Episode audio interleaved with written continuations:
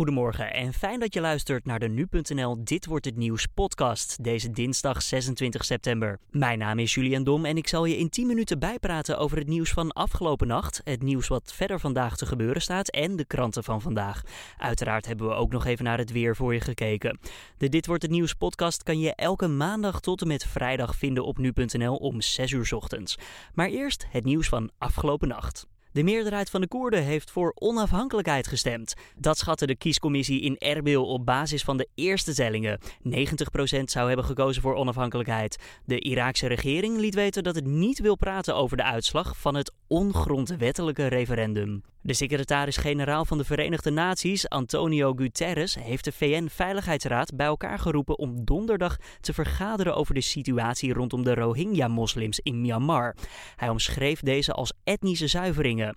Je hoort Joost Nederpelt, eindredacteur bij Nu.nl, over de huidige situatie in het gebied. De situatie van de Rohingya-moslims uh, in Myanmar uh, is uh, redelijk uitzichtloos momenteel. Omdat het er niet op lijkt dat het de geweldsspiraal snel onderbroken wordt. Daarvoor zijn twee dingen nodig. ten eerste dat de overheid in Myanmar erkent dat het überhaupt gaande is. De VN kan momenteel stappen ondernemen om in te grijpen. Het zou dan bijvoorbeeld gaan om de inzet van blauwhelmen. Uh, nou, dat is uh, een tactiek die natuurlijk al vaker toegepast is als er ergens uh, geweld is. zullen dat dan blauwhelmen zijn die de Rohingya's gaan beschermen? Of worden dat blauwhelmen die gewoon de, tussen de beide partijen instaan? Nou goed, daar kun je op allerlei manieren nog beslissingen over nemen. En het kan natuurlijk ook zomaar zijn dat er nog een veto komt op een, op een dergelijke resolutie. Want er zijn landen natuurlijk in de Veiligheidsraad van de Verenigde Naties die een, een veto daarover uit kunnen spreken. En dat gaat gewoon niet door, waaronder China. Uh, dus het is belangrijk hoe die staat in het conflict, bijvoorbeeld China en Rusland en de Verenigde Staten. Um, voorlopig is er geen einde in zicht. Uh, nee.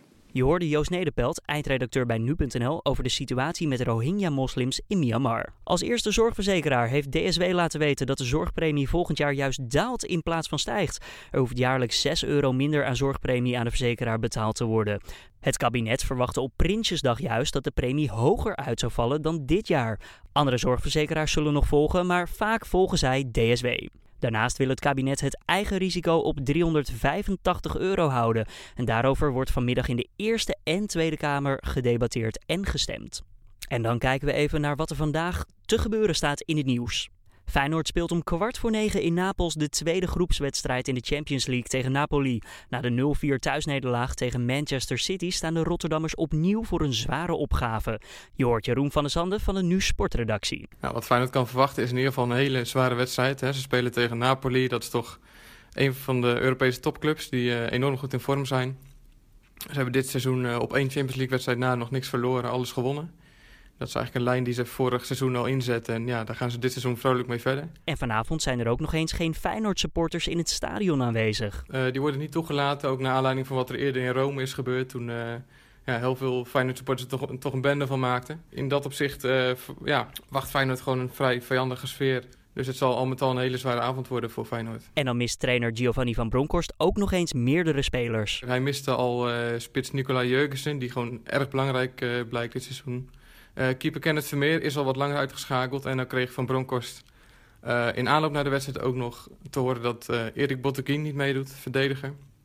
Die met een knieblessure kampt en nou ja, voor langere tijd uitgeschakeld zou zijn. Nou ja, dat zijn tot drie belangrijke pionnen in zijn elftal. En je zag ook in de afgelopen wedstrijden dat als er een paar belangrijke spelers wegvallen... ja, dat merkt Feyenoord meteen en dan wordt het meteen kwalitatief wat minder. Het zal vanavond moeten blijken of Feyenoord nog een klap heeft overgehouden van de twee verloren eredivisiewedstrijden tegen PSV en NAC Breda. Je ziet dit seizoen dat nu er een paar spelers wegvallen, dat het allemaal iets minder zeker wordt.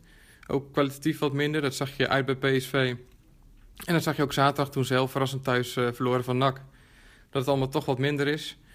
Uh, aan de andere kant is het vanavond weer een wedstrijd op zich waarin Feyenoord eigenlijk helemaal niets te verliezen heeft. Ze staan tegen een kwalitatief uh, betere tegenstander. Dus in dat opzicht is het te hopen dat ze de schroom van zich afgooien. En dat, ik denk dat, ze, dat de wedstrijden die ze verloren hebben in de Eredivisie... dat dat niet echt doorwerkt. Omdat ze vanavond gewoon weer een wedstrijd op zich spelen... in een hele andere ambiance, hele andere sfeer. Dus ik denk dat het wel meevalt. Je hoorde Jeroen van der Zanden van de Nieuwsport-redactie. Vanaf woensdag gaan 160.000 kinderen uit groepen 7 en 8 langs de deuren om kinderpostzegels te verkopen. Maar vandaag vindt de aftrap al plaats. Linda de Mol bestelt daarbij het eerste velletje kinderpostzegels. De opbrengst van de zegels gaat onder meer naar haar foundation, die zich inzet voor arme kinderen in Nederland. De afspraak over het opvangen van vluchtelingen in Europa loopt af. Twee jaar geleden werd daarover een akkoord gesloten. Veel landen hebben nog niet voldaan aan de gemaakte afspraken. Zo beloofde Nederland 6000 vluchtelingen op te nemen, maar dat zijn er nog maar 2300. Veel vluchtelingen zitten daardoor nog steeds in Italië of Griekenland vast. Dan kijken we nog even naar de kranten van vandaag. Rob van Lint, topman van de Nederlandse Voedsel- en Warenautoriteit, blikt in de Volkskrant terug op de fipronilcrisis. Hij vindt dat het kennelijk makkelijk is om naar anderen te wijzen. En ook maakt hij duidelijk dat de Nederlandse Voedsel- en Warenautoriteit nooit 100% voedselveiligheid kan garanderen.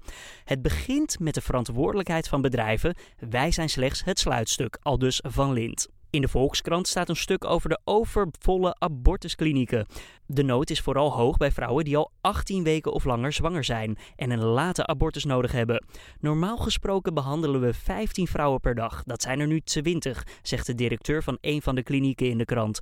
Om de drukte aan te kunnen zijn de openingstijden verruimd en is de kliniek een dag extra open per week. Door het lerarentekort blijven docenten ook na hun pensioen voor de klas staan. Het aantal leraren dat doorwerkt naar de pensioengerechtigde leeftijd is in twee jaar tijd verviervoudigd. Dat schrijft Trouw. Scholen die geen docenten kunnen vinden, vragen hun medewerkers nog even te blijven werken. Ondanks dat energiebedrijven via de slimme meter kunnen zien wat klanten dagelijks verbruiken, stellen ze het maandelijkse energievoorschot toch niet automatisch naar beneden bij. Dat is vandaag te lezen in het AD. Leveranciers vrezen het geval dat klanten toch ineens meer gaan verbruiken en aan het einde van het jaar moeten bijbetalen en nemen het gemiddelde verbruik over 3 tot 5 jaar. En dan het weer. Het is vandaag min of meer hetzelfde weer als gisteren. De dag begint bewolkt en na een tijdje kan de zon her en der doorbreken. Met name in het oosten kan daarnaast nog een bui ontstaan. De temperatuur varieert van 16 graden in het noorden tot zo'n 19 graden in het zuiden. En de wind blijft vrij zwak uit oostelijke of noordoostelijke richting. Dit was dan de Dit wordt het nieuws podcast deze dinsdag 26 september. Zoals gezegd kan je de Dit wordt het nieuws podcast elke maandag tot en met vrijdag vinden op nu.nl om 6 uur ochtends. Tot morgenochtend.